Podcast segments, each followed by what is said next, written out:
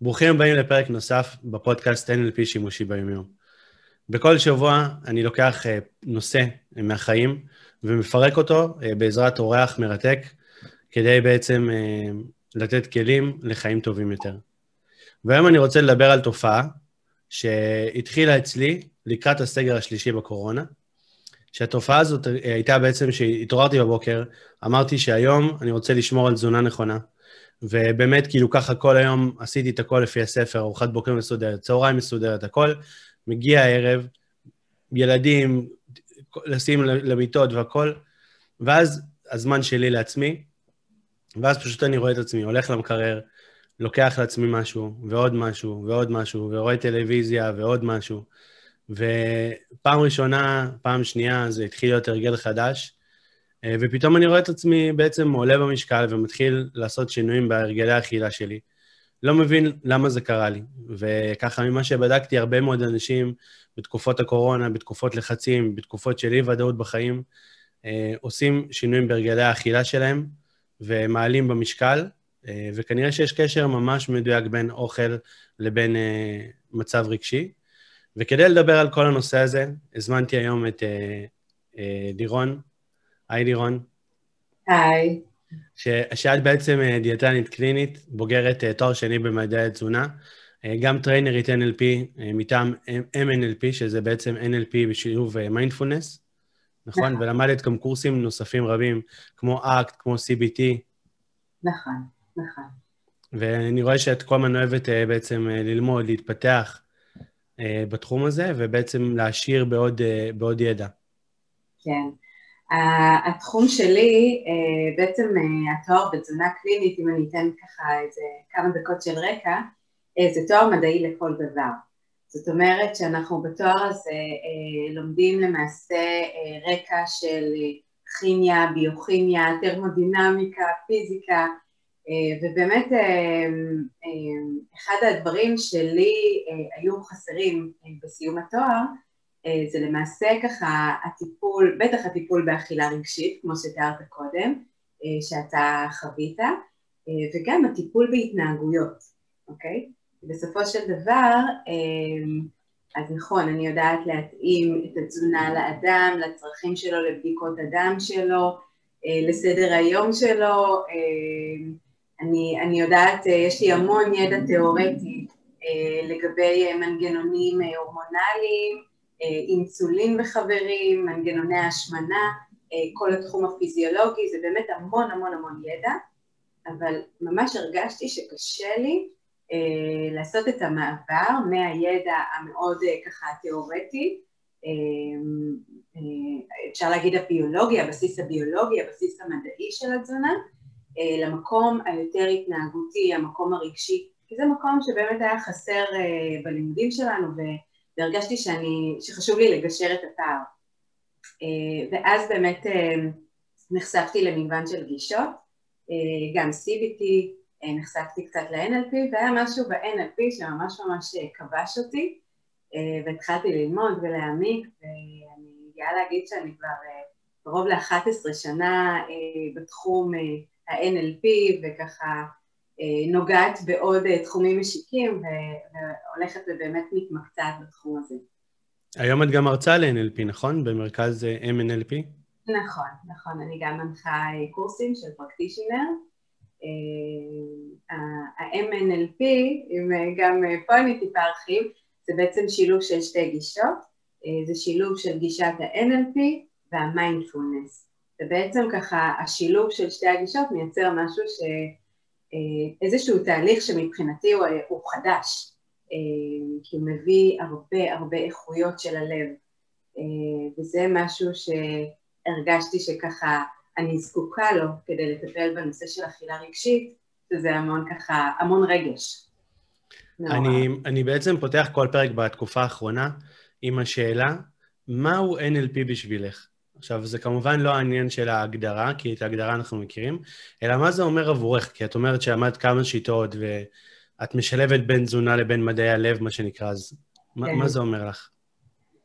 וואו, אה, איזו שאלה, אבי. אה, ה-NLP בשבילי אה, זו גישה, זו, זו פשוט גישה מיטיבה לחיים.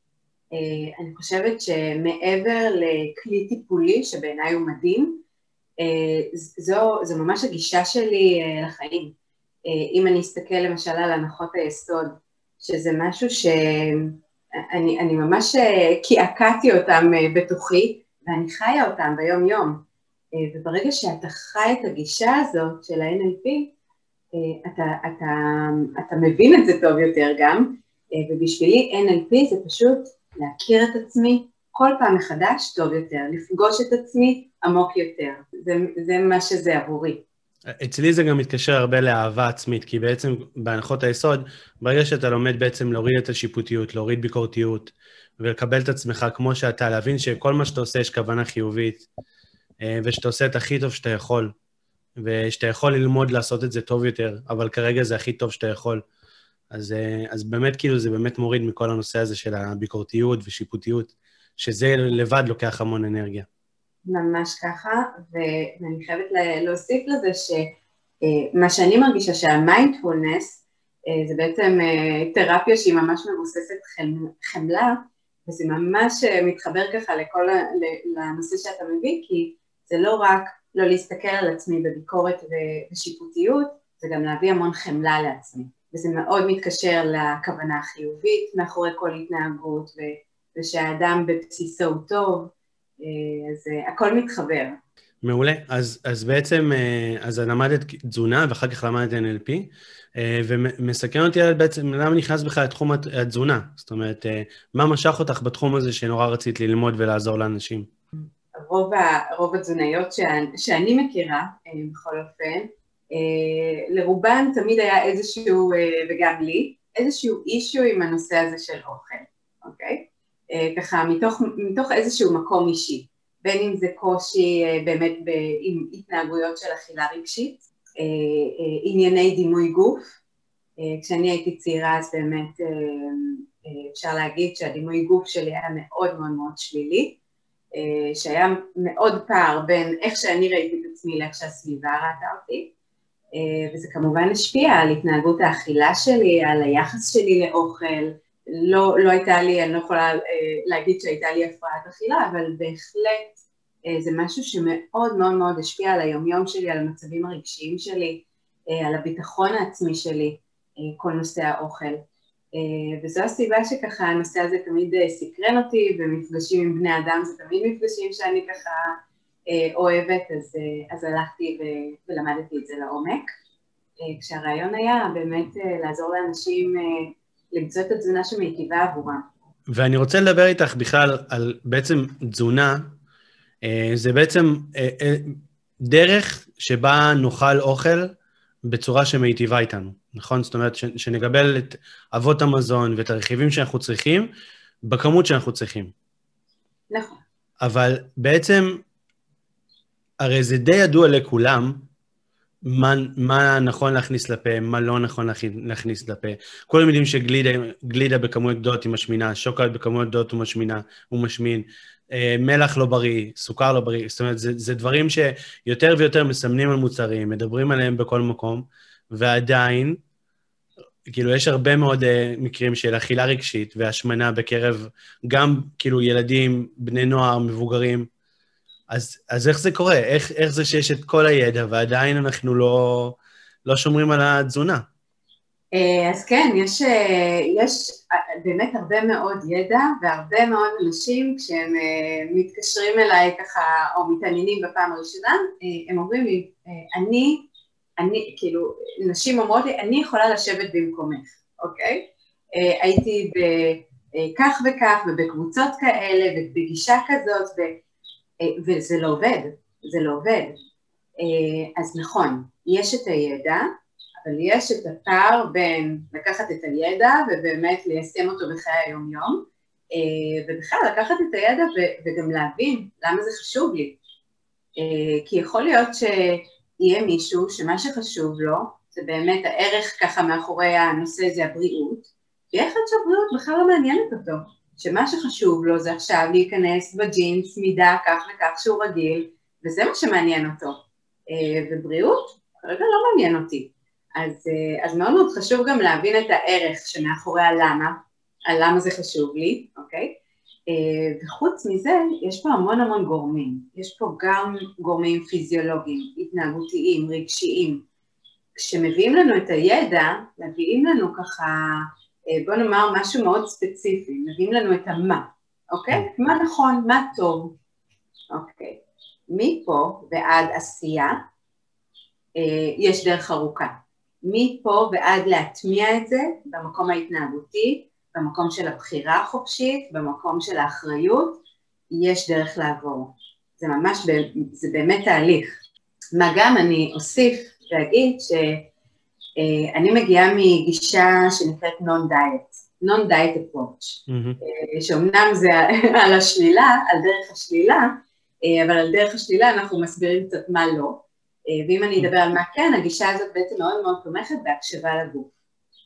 בבחירה מתוך מקום של מה מזין אותי בטוב, מה מזין אותי בטוב גם פיזית, גם רגשית, אוקיי?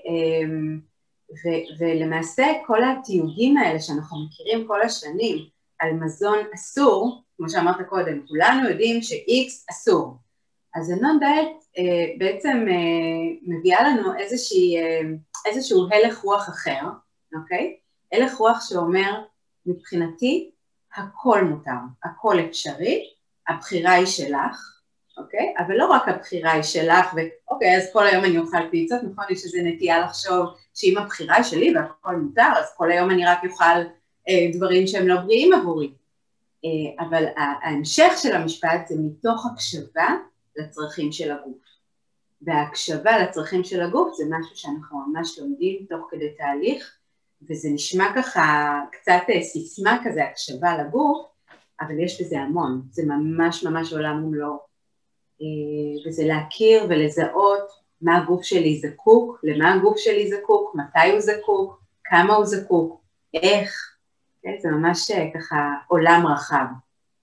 מעולה, אנחנו נדבר ממש עוד מעט על הנון דיאט, כי חלק מהמחקר שעשיתי ראיתי שיש כל כך הרבה דיאטות בשוק, מכל הסוגים, אם זה, את יודעת, שבעצם יהיה אסור מאכלים מסוימים, חלק מותר לאכול רק את זה בשעות מסוימות, ארוחה אחת ביום, כדורים, באמת, כאילו יש כל כך הרבה דברים, אה, ויש את הנון דייט, אז אני, אנחנו ממש עוד, עוד מעט נחזור לזה. לפני זה, הייתי רוצה בכלל שנדבר על בכלל מה זה אכילה רגשית, ולמה בכלל אנשים אוכלים כמות של אוכל שהם לא צריכים. יפה, זאת, זאת שאלה מצוינת. אה, זה ממש ככה, התיאור שנתת קודם של הסיפור שלך למה חווית בסגר, אה, זה, זה ממש תיאור מדויק, כי אכילה רגשית, יש אה, נטייה לראות בסרטים מין אישה שנבגדת על ידי בן זוגה והולכת ולוקחת גלידה ויושבת ככה עם הגלידה ובוכה תוך כדי. אבל זה לא באמת, אוקיי? זה, זה נחמד לראות את זה בסרט. אכילה רגשית היא הרבה פעמים גם אכילה שהיא לא מודעת. זאת אומרת, באותו רגע לא תמיד אתה מודע לזה שיש פה רגש שלקח את העניינים ומנהל את, ה, את העניינים אצלך, אוקיי? אה, אם זה למשל שעות הערב, כמו שתיארת, אחרי יום שלם מאוד אינטנסיבי עם הילדים בעבודה, כן, כל, ה, כל המעברים המהירים, כל הסטרס של היום, מגיעים לערב ורוצים שקט, פורקן, פיצוי, משהו ככה ש, ש, שיעשה לי טוב, ש, שיגביר את הטוב, אוקיי, עכשיו, עכשיו זה הזמן שלי. והרבה פעמים, הרבה אנשים לוקחים את האוכל אה, כסוג של משהו שמגביר הנאה, mm-hmm. אוקיי? או כסוג של עכשיו זה הזמן שלי, אז זה מלווה באוכל, אוקיי? זה, זה ממש דוגמה, אה, הייתה דוגמה נהדרת. אה, הרבה מאוד אנשים אוכלים מתוך כעס, או מתוך לחץ, או מתוך מקום של אין לי זמן לעצמי, אוקיי? כן. אז ככה יש איזושהי אכילה שהיא יותר דכפית. אה, יש אנשים שאשמה מאוד מעוררת אותם לאכילה, שמרגישים ככה, אם נאמר היה להם ערב לא טוב עם הילדים, אוקיי? אז ככה קשוח עם כל מיני ריבים, או ככה הווליום עלה. אה, אז יש אה, אחר כך אולי תחושת אשמה, ותחושת אשמה זה איזשהו רגש שלגמרי מעורר אכילה. כן. יש ממש מצבים רגשיים מאוד מאוד מאוד ספציפיים שמעוררים אותנו לאכילה. אני חושב שגם בושה, שזה רגש, בעצם שאני לא מספיק טוב, ש, שמי שאני לא, כאילו, שאני לא, לא מספיק תורם לחברה, שאני לא מספיק חכם, לא מספיק יפה. זאת אומרת, כל, כל המשפטי לא, לא, זה, מעודדים ממש אכילה. מאוד, מאוד. עכשיו, אז בעצם זה, זה לא באמת קורה אצל כולם, נכון? יש אנשים שאת רואה אותם נגיד רזים ויודעים לשמור על האוכל, ויכול להיות שהם גם מוציאים את זה בצורה אחרת, ויש אנשים שמוציאים את זה דרך אוכל. אז, אה, אז בגדול זה נכון, כולנו יש לנו אה, אכילה רגשית, גם לאנשים שהם רזים טבעית, לפעמים הם יאכלו לא כי הגוף שלהם זקוק עכשיו למשהו, אלא כי הגישו להם עוגה עם הקפה ובא להם ככה איזה טעימה, בסדר? זה גם רגשי, אפשר כן. לקרוא לזה גם אה, רגשי, כי הגוף שלי כרגע לא זקוק לזה, בסדר? אם נלך לאיזה הגדרה חותכת בעניין. אז, אז לרובנו כן יש אכילה רגשית, אפילו פעם זיהיתי אצל הכלב שלי, אכילה רגשית, שהוא היה מאוד ככה מזועזע ממשהו מסוים והוא ישר הלך לאוכל, מי יודע אולי אפילו נגלה שאצל בעלי חיים יש אכילה רגשית, אה, כי, כי יש משהו באמת באכילה שמאוד מרגיע אותנו, אוקיי? זה נותן לנו ככה ניתוק מסוים. כן. אבל יש אנשים שההתנהלות הרגשית שלהם הולכת הרבה פעמים לכיוון הזה, mm-hmm. אוקיי? כמו שיש אנשים שכשהם בלחץ הם יוצאים לסיגריה, או כשיש אנשים שמרגישים אה, ככה חוסר שביעות רצון או חוסר משמעות לגבי החיים שלהם, אולי הם ילכו וישתו, אוקיי? עם משקאות אלכוהולים. כן. אה, לאו דווקא מכורים, אלא, אלא באמת ככה אה, איזשהו פורקן, ויש אנשים ש, שילכו לאוכל. אני יכול להגיד לך מה מהזווית שלי, כי, כי בעצם זה קרה לי בתקופת הקורונה, ו, וככל שזה התקדם, זה נהיה בעצם טבעי יותר ויותר ללכת ולאכול. ובעצם בדקתי עם עצמי, כאילו, למה, למה זה נהיה לי קל מפעם לפעם. ובעצם שמתי לב שאנחנו בני אדם, אנחנו רגילים להיות אה, מתוג... בעצם מתוגמלים על משהו שאנחנו עושים טוב, אז אנחנו מקבלים עליו איזשהו פרס, כאילו איזשהו reward כזה. אה, נגיד עושים משהו, אומרים לנו כל הכבוד, וזה, כאילו, תמיד זה או מחמאה או פרס או מתנה או כל דבר. וכשהרגשתי רע והלכתי למקרר ואכלתי משהו שלא הייתי צריך לאכול, אבל באותו רגע הרגשתי טוב יותר, והרגשתי רגוע יותר. אז זה בעצם היה הפרס מיידי שקיבלתי, על זה שבעצם הלכתי למקרר. ואז אחרי שעה הלכתי למקרר שוב, הופ, קיבלתי את הפרס הזה שוב. זאת אומרת שמפעם לפעם קיבלתי פרסים נפלאים. אז מבחינתי זה פתרון מצוין, אבל מצד שני, לאורך זמן, אה, הגוף משתנה. זאת אומרת, הוא לא באמת צריך את כמויות האוכל האלה. נכון. נכון. אז איך אפשר לנתק את זה? אז זהו, אתה ממש מדבר פה על קידוד, נכון? נכון, זה, בדיוק. זה, זה לגמרי ה-P ב-NLP, ה programming. כן. אוקיי? אה, שלפעמים ככה אני מרגישה בקורסים שאני מעבירה, שדווקא החלק של ה-P הוא תמיד החלק המאתגר יותר. כאילו הנושא הזה של הקידוד, ואז mm-hmm. הקידוד מחדש שאנחנו רוצים להביא, אוקיי? אתה ממש מדבר על זה איך נוצר הרגל חדש, איך נוצרת התנהגות חדשה. מתי למדת את ההתנהגות הזאת, ואיך למדת, ומה האסטרטגיה מאחוריה, והמחשבות, ותחשוב על כמה ה-NLP בעצם מתחכה, אחרי כל התהליך הפנימי שלך, כאילו אחרי כל מה שעובר לך בראש, כן, מהרגע שאתה ניגש למקרר ועד הרגע שאתה מסיים לאכול, אוקיי, אוכל ש, שאתה יודע שאתה לא זקוק לו כרגע, איזה, איזה תהליך אה, בעצם אה, עובר שם. ואיזה יופי שיש לנו את, ה, את הכלי המדהים הזה של, ה, אה, של באמת לראות את כל התהליך אה, שקורה שם. אה, ממש אפשר אפילו, אם היה לנו מולנו עכשיו את מודל התקשורת, היה אפשר ממש לשרטט את זה על, כן, על האסטרטגיה. ממש ככה. אז, אז אתה ממש מדבר על זה, על זה שאתה למעשה התחלת התנהגות חדשה, וכמו שהתחלת אותה, אפשר גם לעצור אותה או לשנות אותה, נכון? אז, אז באמת, תראי, קודם כל את צודקת לגמרי. דבר שני, אני רוצה להגיד שהרבה מאוד אנשים, או שלא למדו NLP, או שלא לגמרי מכירים את כל הנושא הזה, הם לא בהכרח שהם באמת מודעים שהם בעצמם יצרו את הבעיה, כי הם מבחינתם הרגישו רע, והלכו לאכול משהו טעים מהמקרר, ואכלו משהו טעים מהמקרר, ופשוט לאחרונה יש הרבה לחץ, אז הם פשוט אוכלים קצת יותר, אבל הם בטוחים שעוד מעט הם יעשו דיאטה וזה יסתדר. וזה יתיישר. לפעמים זה מתיישר, לפעמים זה לא מתיישר.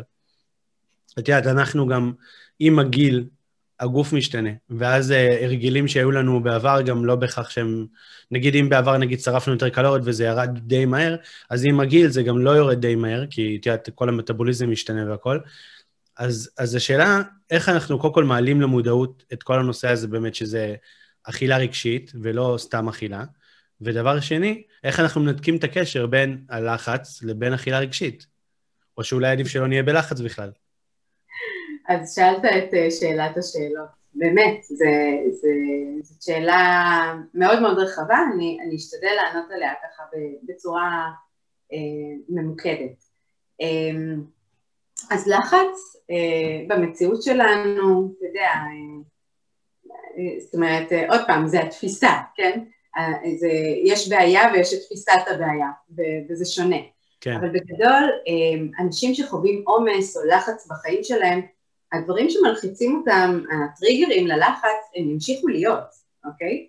ומה שאנחנו בעצם רוצים להכיר או לתרגל או להבין, זה איך יחד עם הטריגרים החיצוניים שגורמים או גרמו לי בעבר ללחץ, שגרם לי לאכילה רגשית, איך היום בעצם הטריגרים לא משתנים, אבל הפרשנות שלי לאותם טריגרים יכולה להשתנות, או אה, מה אני מביאה אוקיי? לעצמי בזמן כשאני נכנסת ללחץ, אוקיי? האם אני מביאה לשם חמלה, הקשבה, האם אני משתמשת אה, בכל מה שאנחנו לומדים למשל במיינדפולנס, אוקיי? קשיבות לעצמי, אה, מה עובר עליי, אוקיי?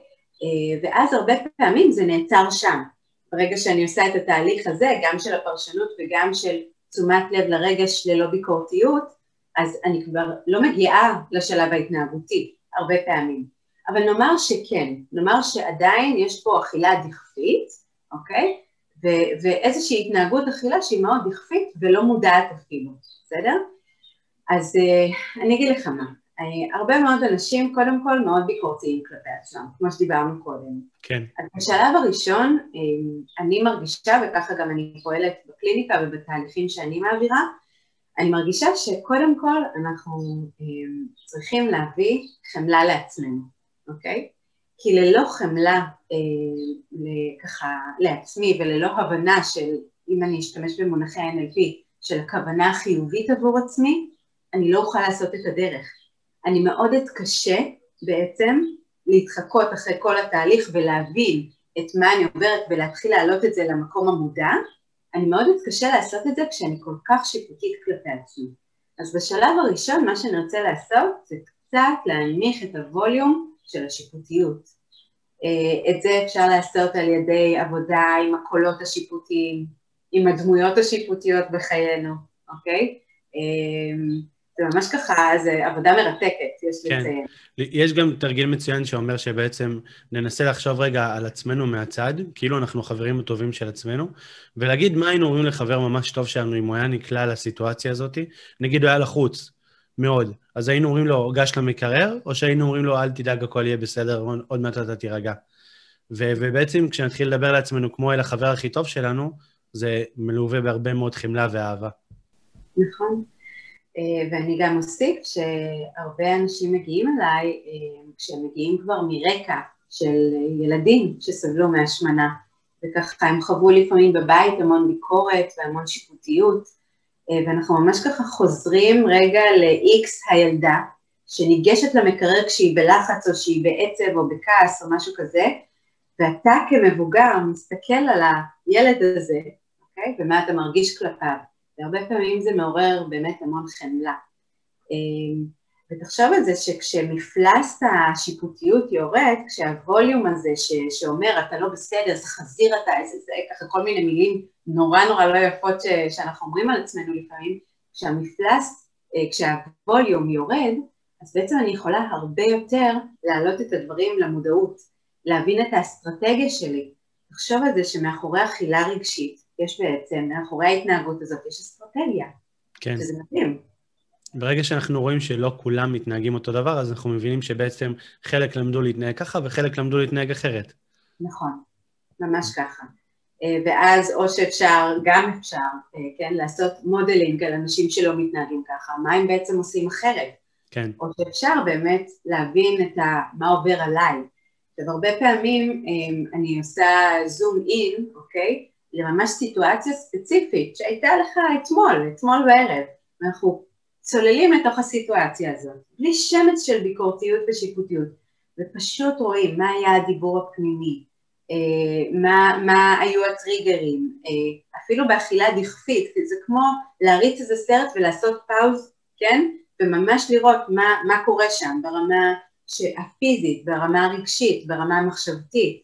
עכשיו, אה, אני חייבת להגיד שכאילו באמת אני, אני כל כך הרבה שנים כבר בתחום וחוקרת את זה כל כך הרבה אה, עם אנשים, שזה תמיד מדהים אותם מחדש, לספר את הסיפור באופן כזה, כאילו כשעושים את הפאוז ורגע מבינים מה עבר לי בראש, מה, מה היה שם בעצם, כן. ומספרים את הסיפור מזווית ראייה שהיא לא ביקורתית, אתה בעצם כל כך יכול להבין הרבה על עצמך.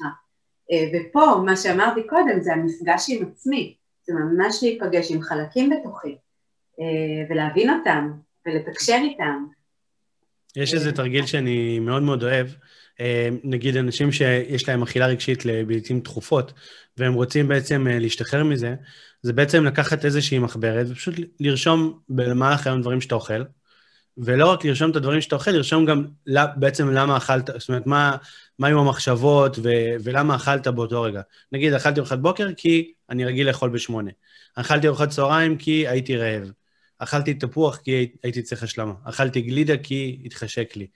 ו, ובעצם גם לרשום את, את, בעצם את המחשבות, את הרגשות, את כל מה שעובר עלינו, בזמן שהחלטנו לקחת בעצם את, את המזון הזה. ואז זה מעלה למודעות הרבה פעמים מה באמת עובר לנו בפנים. כל עוד זה אוטומט, נורא קשה לנו להתערב, כי זאת כמו פעולה אטומית. אבל ברגע שאנחנו שוברים את האוטומט ומעלים את זה למודעות וממש בודקים מה קורה, אז הרבה יותר קל להתערב באמצע ולשנות את המסלול של ההתנהגות הזאת, או המחשבה הזאת. ממש ככה. אני יכולה להגיד שאני משתמשת כבר המון שנים ביומני אכילה, אה, זה נקרא ממש, הכלי הזה יומן אכילה רגשי, אה, וממש מחלקים את זה לרמת המחשבות, הרמה הפיזית, מה הרגשתי בגוף, אה, ולפעמים אנחנו ממש רואים שזה לא מתחיל מהמחשבה, זה אפילו מתחיל מאיזושהי בעירה פנימית, או לפעמים זה מתחיל מאיזה חוסר שקט, משהו, משהו קורה בי, יש בי חוסר שקט, אני, אני צריך רגע משהו להנמיך את החוסר שקט. תחשוב על זה שרוב האנשים, רוב היום, יושבים, יושבים על הכיסא, והגוף שלנו הוא גוף שהרבה פעמים צריך רגע לפרוק אנרגיה באיזשה, כן. באיזשהו אופן, אוקיי? ואנשים שיושבים שעות, שעות, לפעמים יש איזושהי תחושה של עוררות יתר, והם מרגישים שהם זקוקים לאוכל, הם לא יודעים לזהות שהעוררות יתר הזו היא בעצם איזה צורך של הגוף רגע, רגע להתנער מכל מה שעבר עליהם בשעות האחרונות. אה, והרבה פעמים הפרשנות שלנו ישר הולכת למקום של אני צריך משהו לאכול, אוקיי? כאילו זה רעב. יש משהו בפרשנות שלנו של רעב גם. אה, יש פה המון כיוונים של חקירה, בכלל לחקור את כל נושא הרעב זאת חקירה מרתקת, יש, אה, מבחינתי יש 50 גוונים של רעב, יש המון המון המון גוונים, יש רעב פיזי ורעב רגשי ורעב דכפי ועוד ועוד ועוד, וברגע שאנחנו לומדים לזהות אותם, זה, זה ממש פריצת דרך בעיניי. אוקיי, okay, מעולה. אז אני רוצה לדבר על הנושא הזה של, בוא נניח שזיהינו שיש לנו אכילה רגשית, ובואו החלטנו שאנחנו מעכשיו רוצים לשנות את ההרגלים שלנו, ובאמת להוריד במשקל. אז אני רוצה בעצם לשמוע את דעתך, שאני פשוט אבחר לעצמי את אחד מהדיאטות שקיימות בשוק, אבחר לעצמי איזושהי דיאטה, ואני אלך לפי מה שהם אומרים, וזהו, ואני אהיה במשקל התקין שלי. אז מה הבעיה כאילו לקחת איזושהי דיאטה וזהו? אין בעיה, רק שהרבה פעמים קשה ליישם לאורך זמן, אה, ולא רק שקשה ליישם לאורך זמן, גם הרבה פעמים באמת יש עלייה חוזרת במשקל. אה, ולמה זה קורה? אז, אז יש באמת אה, כמה סיבות, גם סיבות פיזיולוגיות, בסדר? כשאדם יוצר, הרבה מהדיאטות האלה הן דיאטות ככה, דיאטות שמוצעות בשוק, ודיאטות שככה אנשים בדרך כלל משתמשים בהן, דיאטות חלבונים, דיאטות זה, כל מיני דיאטות למיניהן, אה, הרבה פעמים מה שהדיאטות האלה עושות זה איזשהו אה, דפיציט קלורי, אוקיי? מינוס קלורי מאוד מאוד משמעותי, חסך אנרגטי משמעותי, אוקיי? וגם חסך בהמון מזונות, מזונות שהם כיפים לנו, שוקולד זה דבר טעים, שוקולד זה דבר שכיף לנו לאכול, וכשאנחנו לא יכולים לאכול את זה, אז משהו, תחשוב על זה, משהו ככה מאוד בהשתוקקות לקבל את מה שאסור לנו. ומה שקורה הרבה פעמים, שבאמת יש ירידה מאוד מהירה ולא פרופורציונלית במשקל, ואז העלייה החוזרת היא ברגע שאני מתחיל לאכול, אולי ככה הייתה לי איזושהי נפילה קטנה, אוקיי? היה אירוע, היה חג, היה ככה משהו שהוציא אותי מהשגרה אה, של התפריט, אה, ופתאום אני עולה שוב, וככה זה מעין אה, גלגל שלג, כי אז גם אני מאשים את עצמי או שיפוטי כלפי עצמי, בעצם לא נעשה פה תהליך אמיתי, mm-hmm. לא נעשה כאן תהליך פנימי, והתהליך הפנימי הרבה פעמים חסר בכל הדיאטות, בטח בדיאטות בזק, כמו כדורים וכאלה שציינת קודם, וגם בדיאטות שאני עושה בלי ליווי שהוא מתאים. ברגע שזיהיתי שיש לי אכילה רגשית, אז ההבנה היא שיש פה אה, ניהול רגשי שהולך למקום של אכילה, אוקיי? כאילו, יש משהו בניהול הרגשי שלי שהמופע ההתנהגותי הוא אכילה. אז אני, אני צריך רגע להבין את הקשר בין הדברים ולעשות דיאטה אה, כתובה או תפריט ככה אה, מוכן מראש, אה, זה בעצם להתעלם מכל הנושא הזה mm-hmm. למעשה, אוקיי? אז הרבה פעמים יש עלייה חוזרת במשקל, או הרבה פעמים אנשים לא עומדים במשימה הזאת, כי זו, זו באמת משימה בלתי אפשרית, אני לא חושבת שהייתי יכולה לעמוד, אני לעמוד במשימה הזאת mm-hmm. של אה, לאכול כל כך מעט ביום, אה, כשאני מרגישה רעבה, בטח ובטח. כן. אה, אז יש פער, והרבה פעמים אנשים מאוד רוצים ככה את הפתרון המהיר ואת כדור הפלא, אה, בלי, בלי רצון או מוטיבציה לעשות איזשהו תהליך קצת יותר עמוק, וגם זה בסדר, אוקיי? זה גם אה, בסדר, ו, אה, והרבה פעמים ככה אנשים צריכים לעבור איזה סיבוב שלם כדי להבין שהם זקוקים אה, לתהליך יותר, יותר משמעותי כדי לטפל באכילה רגשית. אני גם אגיד שתפריט חיצוני הרבה פעמים זה בעצם איזושהי מוטיבציה חיצונית, אוקיי? ואנחנו גם ב-NLP המון מדברים על גיוס של המוטיבציה הפנימית, mm-hmm. אוקיי? על, ה, על ה, להבין בעצם שיהיו לי את הכלים לעשות את זה גם בעצמי. לא רק שיש מישהו חיצוני, מישהו ששומר עליי, מישהו ששוקל אותי, מישהו שאומר לי מה לאכול. אנחנו רוצים גם למצוא את המקום הפנימי שלנו. אז זה משהו שגם אנחנו הרבה עוסקים בו בתהליכים. אנחנו רוצים להוריד במשקל ולהגיע למשקל גוף תקין שלנו מצד אחד. ומצד שני, אנחנו עכשיו דיברנו על זה שרוב הדיאטות או כל הדיאטות בסופו של דבר יובילו אותנו לעלייה במשקל, כי זה איזשהו, נגיד, קאב או משהו כזה, או פלסטר ששמים, וברגע ש... בוא נגיד ככה, בירידה האנרגטית המשמעותית הראשונה, יש מצב שתהיה נפילה, ואז אחרי שתהיה נפילה, אז הגוף ייזכר בכל היתרונות שהוא זכה מהאוכל הקודם, ואז הוא, בעצם כל, ה, כל האסטרטגיה ש, שהדחקנו אותה, תתעורר, ואז אה, בעצם נאכל שוב, ואפילו אולי בכמות גדולה יותר, כי הגוף יגיד, אוקיי, מבחינה של הישרדות, אני בעצם הדחקת אותי, ועכשיו כאילו כשאני, יש לי, נפתח, נפתח הסכר, אז אני רוצה להכניס כמה שיותר כדי לשמור על עצמי. אז כאילו אפילו מבחינה הישרדותית זה הגיוני שנעלה במשקל בחזרה. אז, אז בעצם, אז מה אפשר לעשות במקום? שמקודם הזכרת את ה-non-diet. אז, אז בעצם ה-non-diet אה, מביא לנו אה, כמה עקרונות אה, סופר חשובים בעניין הזה. אה, כמו שאמרתי קודם, כל התיוג של אוכל אסור, אוכל מותר, נון דייט מוחק את התיוג הזה ואומר, אוכל זה אוכל. וואו, איזו, איזו אמירה זאת, תחשוב על זה.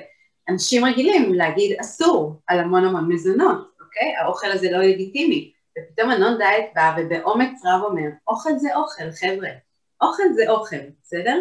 והיחס שלכם אה, לאותו אוכל הוא הרבה פעמים קובע גם את ההשתוקקות שלכם אליו. אה, אני סתם אתן איזושהי דוגמה, בסדר? ככה לסבר את האוזן, אנשים אה, שעושים אה, ניתוח בריאטרי, ניתוח לקיצור קיבה. כן. בחודש הראשון אסור להם לאכול בכלל ירקות חיים. רק אחרי חודש ככה הם מתחילים לאכול ירקות. זה החודש שבו אני לא מפסיקה לשמוע, אני חולם על סלט ירקות. אני חולם על סלט ירקות, מי היה מאמין? עכשיו, הניתוח הזה הוא לא ניתוח מוח, בסדר? זה ניתוח שהוא אה, ניתוח בקיבה. אבל מה שקורה שפתאום אסור לך מזונות מסוימים, אוקיי? אסור לך בריאותית, אין, אתה, אתה לא יכול אה, לאכול את הדברים האלה, ופתאום אתה משתוקק עליהם.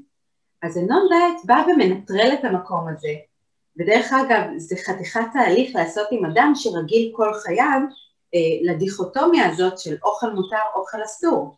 תחשוב על זה שיש לו טאג על כל מזון, ממש ככה מין מטאפורה כזה של שלט קטן שכתוב אסור, או מותר, כן. או זה מה שיעזור לך לרזות וזה מה שלא יעזור לך. ובורקס הופך להיות אויב גדול ושוקולד אימת האנשים, אה, ובעצם מה שקורה הרבה פעמים שזה רק מגביר את ההשתוקקות.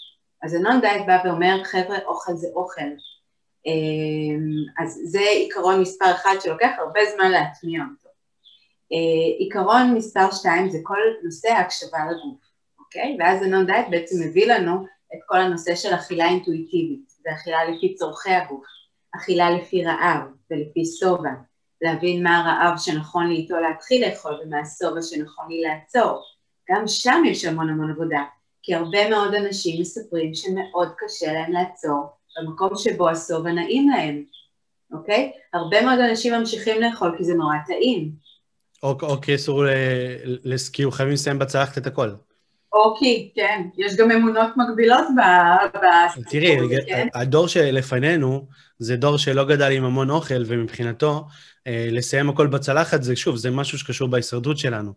ונגיד אצלנו בבית, כשאני הייתי קטן, אף אחד לא היה יוצא לשחק עד שהוא היה מסיים הכל בצלחת. גם, לא משנה, שבע או רעב, הוא צריך לאכול את הארוחה, כי אחרת עוד חצי שעה הוא יבקש עוד פעם, ואז כאילו, היא לא תעמוד כל היום במטבח להכין, אז פשוט הם דאגו שנתפטם כמו שצריך לפני שיוצאים לשחק. ממש. ותחשוב על זה שזה ממש להטמיע אה, שפה חדשה, שהשפה הזאת אומרת, אני אוכל את הכמות שנכונה לגוף שלי. עכשיו, הכמות הזאת משתנה. אה, אם עכשיו אה, מקודם עשיתי פעילות גופנית ואחר כך אכלתי את ארוחת הבוקר שלי, יכול להיות שבגלל שאני אחרי ארוחה, אה, פעילות גופנית, אני זקוקה לעוד פרוסת לחם, וזה בסדר. ויכול להיות שבערב, בגלל שבא לי ככה משהו יותר קליל, אני אזדקק לפחות פרוסת לחם, וגם זה בסדר. עכשיו, זה לגמרי הפוך ממה שתפריט אומר לנו, כי תפריט אומר לנו, לא, לא מעניין אותי שאת רעבה יותר, את תאכלי שתי פרוסות לחם, או לא אכפת לי שכרגע הגוף שלך רוצה משהו קליל, את תאכלי שתי פרוסות לחם, אוקיי? כן. אה, וזה מקום לגמרי שונה ממה שאנחנו מכירים, ממה שרוב האנשים מכירים, מהדיאטה הקלאסית, אוקיי? זה איזשהו מקום שהבנה שרעב ושובע זה משהו שהוא דינמי, זה תחושות גוף דינמיות ומשתנות כל הזמן, אוקיי? אה, בהיריון הצרכים שלי עולים, כי אני יותר רעבה, בסדר? אז, אז יש שם, אז ככה, הוא מביא את החידוש הזה של כל הנושא של אכילה אינטואיטיבית ורעב ושובע. ועוד חידוש אה, שהוא בעיניי מדהים, אה, ואני ככה מדברת עליו המון עם מטופלים שלי, זה נושא התנועה. אוקיי? הרבה אנשים, ברגע שהם שומעים את המילה ספורט, משהו בהם מתכווץ. ספורט? עזבי, עזבי, עזבי, לא, לא, אני לא בקטע, אני לא, לא, אוקיי? ו, אה, וזה באמת מכווץ אותם כי הם נזכרים בכל ה, אולי אה, הקושי שזה מביא איתו, או הישגיות שהם לא מצליחים, משהו ש, שהם צריכים להצליח וכולי וכולי. ולא בא להם, לא בא להם, זה ישר יוצר התנגדות. ובעצם הנון דייט בא ואומר, התנועה היא לתת כבוד לגוף. את רוצה לכבד את הגוף שלך? תני לו תנועה, הוא זקוק לתנועה הזאת. ואז התנועה זה משהו, קודם כל הוא, הוא נשמע אחרת לגמרי מספורט, נכון? כן. כשאני אומרת תנועה, איזה תחושה יש לך בגוף עכשיו? אה, זה נעים, זה כמו רוח כזאת שזזה, וכאילו זה אפילו ריקוד כזה, זה, זה משהו ממש, נעים. ממש. כי תנועה יכולה להיות לרקוד עם הילדים שלך אחרי צהריים, ותנועה יכולה להיות אה, ללכת אה, עם אשתך לסיבוב ככה מסביב לבלוק וסתם לדבר, ותנועה יכולה להיות גם אגרסיבית כשאתה מרגיש ככה שאתה זקוק להוציא המון המון אנרגיה, אז לעשות ספרינטים, ותנועה זה כל דבר, אוקיי? ויש בזה משהו הרבה יותר פתוח והרבה יותר ככה, וכל הרפריימינג הזה שתנועה היא למעשה כבוד לגוף, mm-hmm. זה די מדהים, כי הרבה פעמים ספורט יש ספורט שלא מכבד את הגוף, שלהפך, ככה אנשים מרגישים אה, אה, אה, שככה הגוף שלהם ממש מתפרק כן. כתוצאה מאותו ספורט. אז, אז, אז זה עוד חידוש ככה שה, שהנון דייט מביא בהקשר של תנועה, ויש עוד המון דברים שקשורים לדימוי העצמי ודימוי הגוף, אבל זו בעצם גישה שמביאה אסטרטגיה אחרת לגמרי להסתכלות על אוכל ועל הגוף. זו גישה שמביאה המון כבוד לעצמי ולגוף שלי. זה, זה משהו שהוא מדהים בעיניי. אני יכול לספר לך, אה, בוא נגיד, כשאני למדתי את ה-NLP, אה, אז הורדתי עם הזמן כ-16 קילו מהמשקל גוף שלי, אה, שעכשיו טיפה עלה בקורונה, אבל אז כאילו זאת הייתה ירידה כאילו מאוד משמעותית, ואני יכול להגיד לך מה אני עשיתי, ואחרי זה אני נורא אשמח לשמוע ממך איך עושים בעצם את הנון דיאט, כי בעצם הסברת מה זה ומה העקרונות, אבל אני אשמח אם תתני לנו כלים איך באמת עושים את זה ביום-יום. אז מה שקרה אצלי, אז באותה תקופה אני הייתי אצל אה, דיאטן, אה, דיאטן קליני, שהוא לא עשה לי תפריט, אבל הוא אמר לי פחות או יותר כמויות לאכול, שעות לאכול, כאילו ככה, נגיד הוא אמר לי לשלב פירות במהלך היום, כדי שאני לא אהיה כל כך רעב, נגיד בארוחת צהריים אחר כך, וזה כאילו איזן לי את כל, את כל האוכל. ואז למדתי את כל ה-NLP תוך כדי שהייתי אצלו, ואז יום אחד באתי אליו, ואמרתי לו, קראו לו, קוראים לו יועז, ואמרתי לו, יועז, בוא תגיד לי אתה, זאת אומרת, ממש עשיתי לו modeling. אמרתי לו, אתה בן אדם אה, ששומר על משקל גוף תקין, ואתה עושה ספורט והכול, ואני רוצה לשמוע ממך, מה אתה חושב על אוכל? נגיד אתה הולך אה, לחתונה, ואתה רואה בופה עשיר, מה אתה עושה? אתה אוכל, אתה לא אוכל, אתה נמנע? אז הוא אמר לי, ברור שאני אוכל. אמרתי לו, כמה אתה אוכל? אז הוא אמר, אני לוקח צלחת, וממלא את כל הדברים שטעימים לי. אמרתי לו, יופי, ומה אחרי זה? הוא אומר לי, זהו, שבעתי, אז אני הולך. הולך להיפגש עם אנשים. אז אמרתי לו, אתה אוכל הכל? הוא אומר לי, הכל. ומתי אתה עוצר? כשאני שבע. ובעצם מזה, לא ידעתי, עדיין לא הכרתי את הנון דיאט והכל, אבל מזה למדתי לאכול כשאני רעב ולעצור כשאני שבע. ובעצם אני אומר לעצמי מסרים ישירים בכל בוקר כשאני קם. אני אומר לעצמי מסרים שבעצם מוטמעים בתת-מודע, ונותנים לי לזכור את המציאות שאני רוצה לחיות בה. ואחד מהמסרים הראשון שבהם זה תמיד שיש שפע של אוכל מסביבי. כי לי היה תמיד עניין של לחץ אוכל, שאם אני לא אוכל עכשיו, אז לא, לא יהיה לי אחר כך. אז אני כל בוקר אומר, יש שפע של אוכל מסביבי, כל דבר שאני רוצה לאכול, אני תמיד אוכל ללכת ולאכול אותו, אז זה אומר שאני יכול לאכול כמה שאני רוצה. והמשפט השני זה שאני אוכל כשאני רעב, עד לרמה שאני שבע, ברמה של 7-8 שבע, משהו כזה. ותמיד הייתי אומר את זה כל בוקר, ו- ובאמת זה הוטמע. ובאמת שמתי לב שאני פשוט, כשאני שבע, אז אני עוזב, וכשבא לי אחר כך אני אוכל עוד הפעם. וככה פשוט הורדתי 16 קילו בלי להגביל את עצמי בשום דבר. עכשיו, חשוב לי גם להגיד, עוד משהו קטן לפני, שבאותה תקופה, חוץ מכל העניין של האכילה המבוקרת ועם המודעות הגבוהה, עשיתי הרבה מאוד דברים שגרמו לי לאושר כללי בחיים בכלל. זאת אומרת, הרבה מאוד חמלה עצמית ואהבה עצמית ונתינה לזולת, ו- וסבלנות, וחוסר בביקורתיות ושיפוטיות כלפי עצמי. זאת אומרת, עצם העובדה שבאופן כללי הופרשו הורמונים של אהבה אצלי בגוף, מאוד מאוד עזר לי עם כל הנושא של האכילה, כי לא הייתי צריך כל כך את זה באוכל.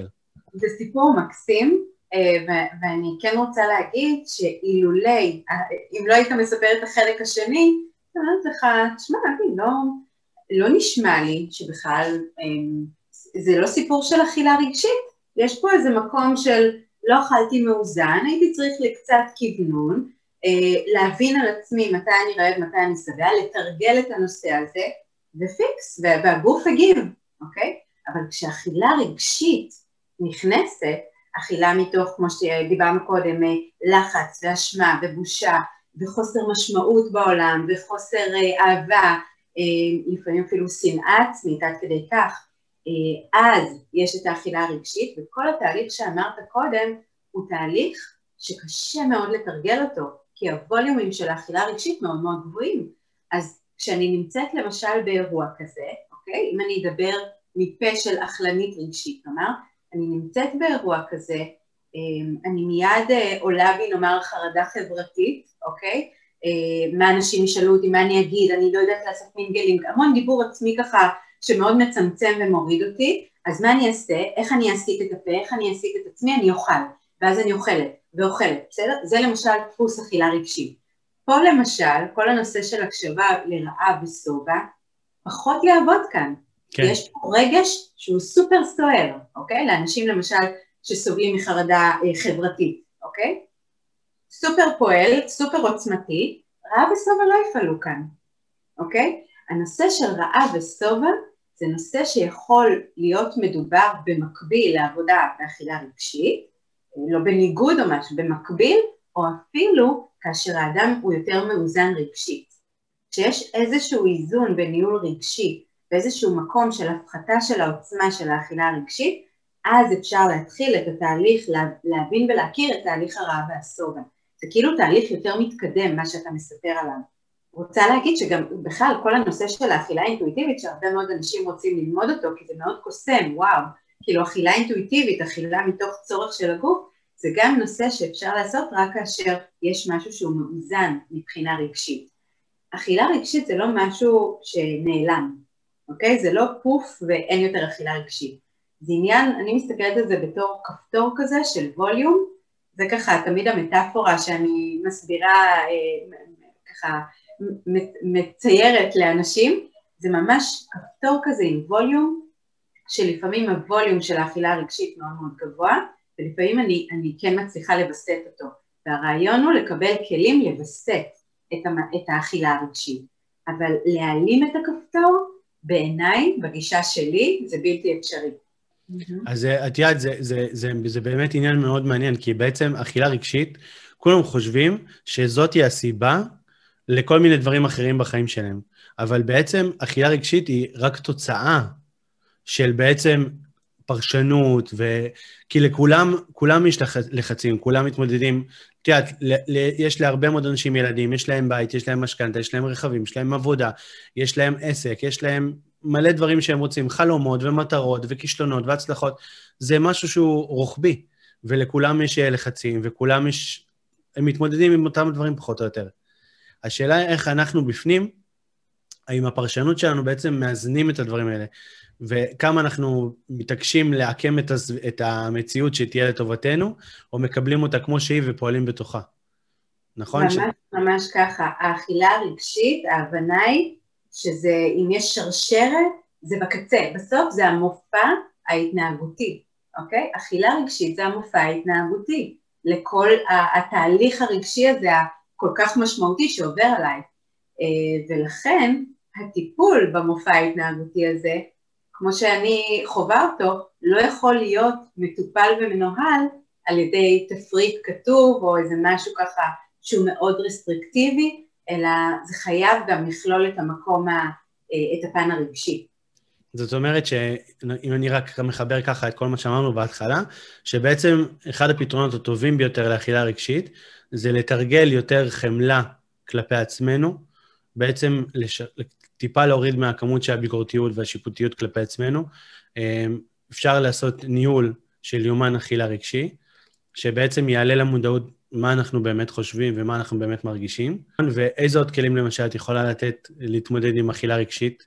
אני, אני חושבת שבאמת הכלי הזה של היומן אכילה, אם רגע נרחיב אותו, אוקיי, לכלי נוסף או כפועל יוצא, אה, זה משהו שאני קוראת לו לספר את הסיפור האמיתי, אוקיי?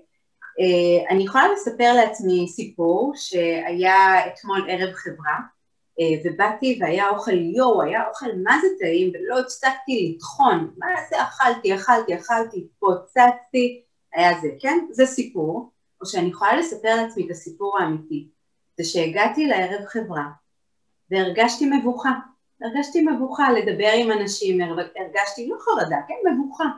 אה, ומשהו, המבוכה הזאת ככה, הרגשתי איך היא מובילה אותי לשולחן הכיבוד, והתחלתי לאכול, ואז הרגשתי שאם אני, שאין לי כזה למי לגשת, ואין לי, ואני לא מוצאת את מקומי, והתחלתי להרגיש אפילו לחץ, שכאילו אני חייבת לדבר עם מישהו, אבל אין לי כל כך מה להגיד, והתחילו לי כל מיני מחשבות שליליות על עצמי, או מצמצמות, שהנה תראי, את תמיד כזאת, כל מקום שאת הולכת אליו, את לא מסוגלת להראות את עצמך, וכו' וכו', ואז פשוט אכלתי עוד ועוד ועוד עד שהתפוצצתי ולא יכולתי יותר.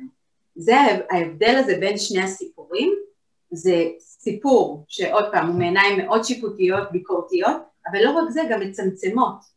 כאילו, אני רואה בסוף רק את התוצאה הסופית. התוצאה הסופית היא שאכלתי בטירוף. אבל בסיפור השני, הסיפור האמיתי, זה אני מבינה את המצבים הרגשיים שלי, אני מבינה את הפרשנות שנתתי לסיטואציה, אני מבינה איך לאט לאט העמקתי, כן, את הבעיה, נכון? נכנסתי לעומק הבעיה. כן. אני יותר מבינה את הלמה שלי, בסדר? למה אכלתי?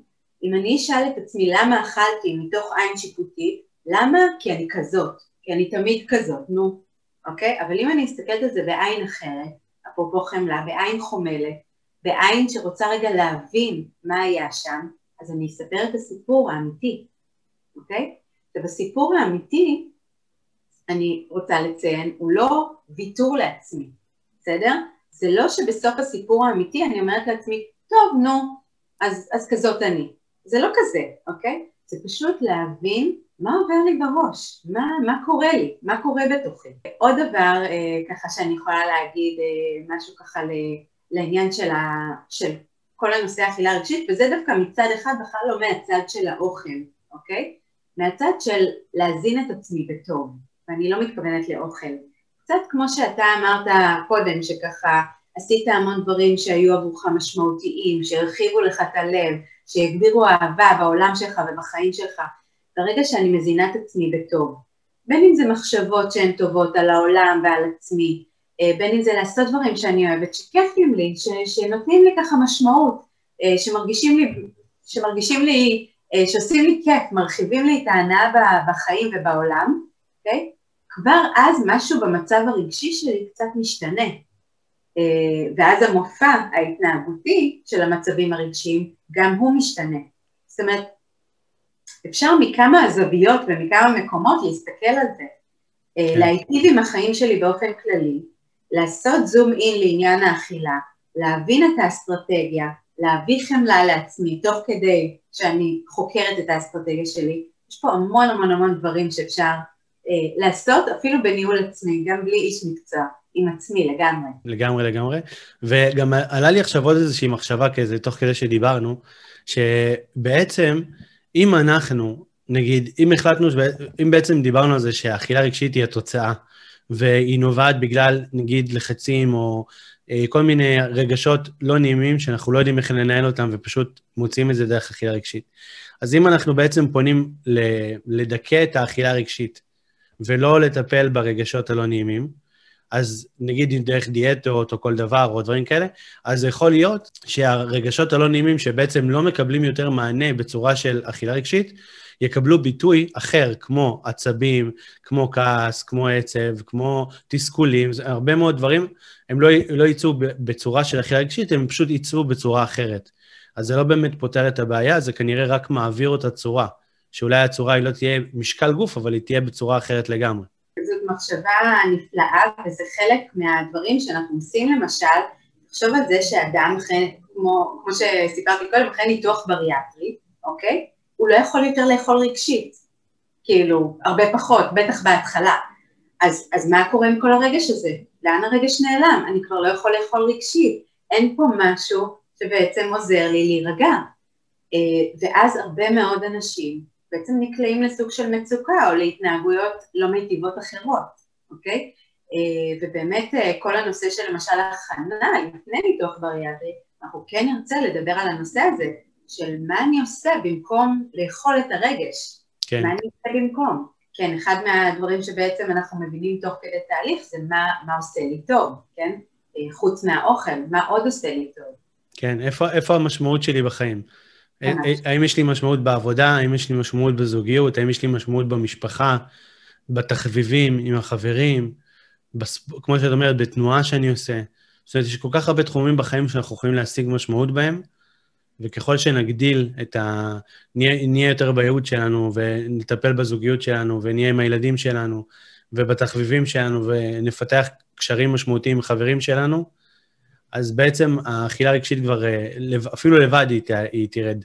וזה מקסים מה שאתה אומר, ועם זאת אני גם אסייג מה שאתה אומר, mm. כי יכולות גם להגיע אליי נשים, אנשים, אה, שהכל באמת באמת, כמו שאתה מתאר, החיים שלהם הם מאוד מאוד שבעי רצון מהחיים שלהם, הם מרגישים שמממשים את עצמם, הזוגיות שלהם נהדרת, ילדים מקסימים, ועדיין הם חווים אכילה רגשית, והרבה פעמים זה אכילה דכפית, או כל מיני הרגלים, ואז פה יש לנו את הטכניקות הכל כך מדהימות של ה-NLP, של הקידוד מחדש, כן. אוקיי?